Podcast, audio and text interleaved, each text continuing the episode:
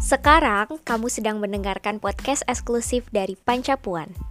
Podcast yang gak hanya sekedar podcast, tapi akan ada hal bermanfaat yang bisa kamu dapatkan selama beberapa menit ke depan.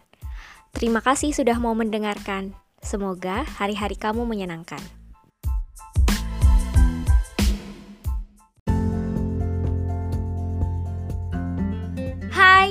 Kita sudah sampai di episode ketiga dari podcast Pancapuan. Di episode pertama, kita sudah bahas tentang olahraga. Di episode kedua juga, kita udah bahas tentang makanan yang sehat dan bergizi. Nah, di episode ketiga, aku akan ajak kamu untuk bahas sesuatu yang identik banget sama protokol kesehatan yang saat ini sedang kita lakukan. Ya, kita tahu dalam protokol kesehatan kita perlu memakai masker ketika berpergian.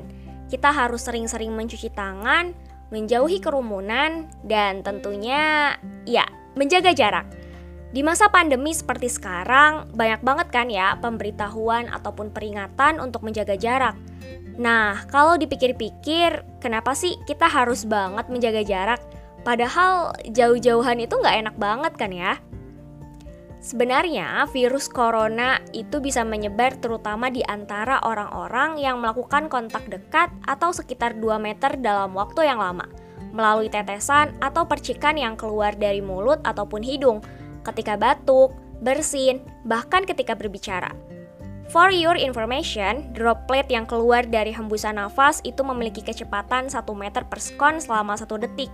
Bahkan droplet yang dikeluarkan dari seorang pasien yang terinfeksi saat bersin memiliki kecepatan 50 meter per sekon selama 0,12 detik. Cepet banget kan ya? kayak kecepatannya tuh ternyata nggak selama menunggu dia peka.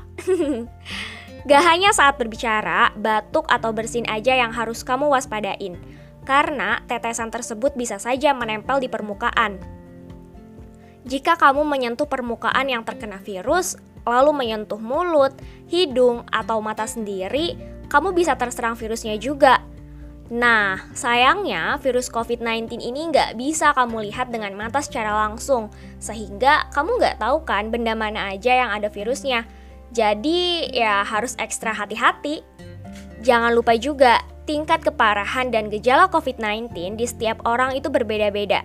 Jadi siapa tahu saat kamu merasa sehat, sebetulnya kamu telah terinfeksi COVID-19.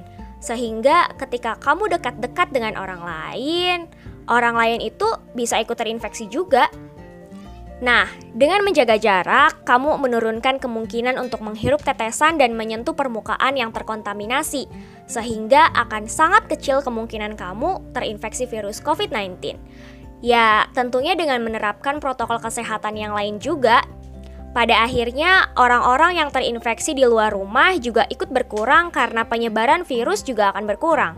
Nah, apalagi buat kamu atau orang di sekitarmu yang rentan terkena penyakit parah, wajib banget hati-hati ketika keluar rumah. Kalau nggak genting banget, sebaiknya produktif aja di rumah. Jadi, di masa sekarang, kamu harus rela dan berkorban dulu buat jauh-jauh sama doi agar kamu dan dia nggak terinfeksi oleh virus COVID-19. Nanti nih ya, kalau dunia udah dalam keadaan normal, sabi banget ajak dia ketemuan buat saling lepas rindu. Atau kalau yang belum punya someone buat diajak keliling dunia selepas pandemi hilang, hubungi aku aja. Aku ini termasuk salah satu orang yang siap sedia buat nemenin kamu keliling dunia. Jadi, yuk, sekarang jangan lupa protokol kesehatannya. Sehat-sehat ya, biar kita bisa cepat-cepat ketemu. Ups. Sehat-sehat kamu, semoga hari kamu menyenangkan. Yuk, jaga jarak dulu.